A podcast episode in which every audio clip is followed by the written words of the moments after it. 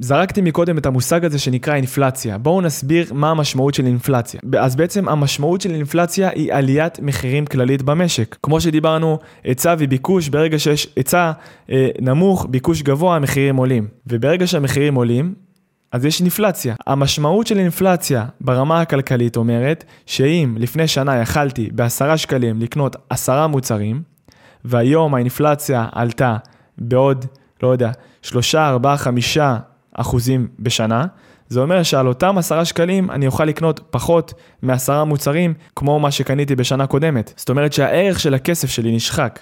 אני לא יכול לקנות את אותם מוצרים את אותה כמות מוצרים כמו שקניתי, כמו שיכלתי בשנה קודמת. אז אמרנו שאחת הסיבות ליצירת האינפלציה היא סביבת ריבית זולה יחסית.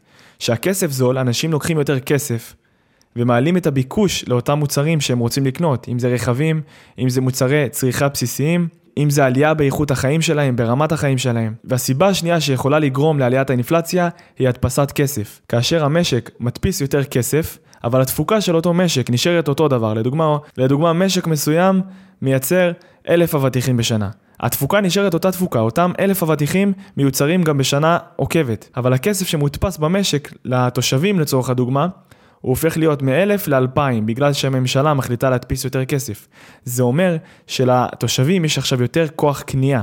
הכסף שלהם, הכמות כסף שלהם נהייתה יותר גדולה, היא מתפזרת על יותר אנשים. ואז אם דני ויוסי רוצים אבטיחים, אבל יש כמות מוגבלת של אבטיחים, כי התפוקה נשארת אלף, כמו בשנה קודמת, אז מה שקורה במצב כזה, היא שגם דני וגם יוסי נלחמים אה, על אבטיח אחד לצורך הדוגמה, ואז המחירים עולים. זה ממש בהסתכלות רחבה, כלכלית, אבל ככה הדברים עובדים. ברגע שיש יותר כסף במשק, והתפוקה נשארת אותו דבר, יש אינפלציה ועליית מחירים. זה סיבה ראשונה. סיבה שנייה, כסף זול. שהכסף זול, אנשים קונים יותר דברים וצורכים יותר דברים. צורכים יותר דברים, הביקוש למוצרים עולה, הביקוש למוצרים עולה, המחירים עולים. הכל כמו שרשרת.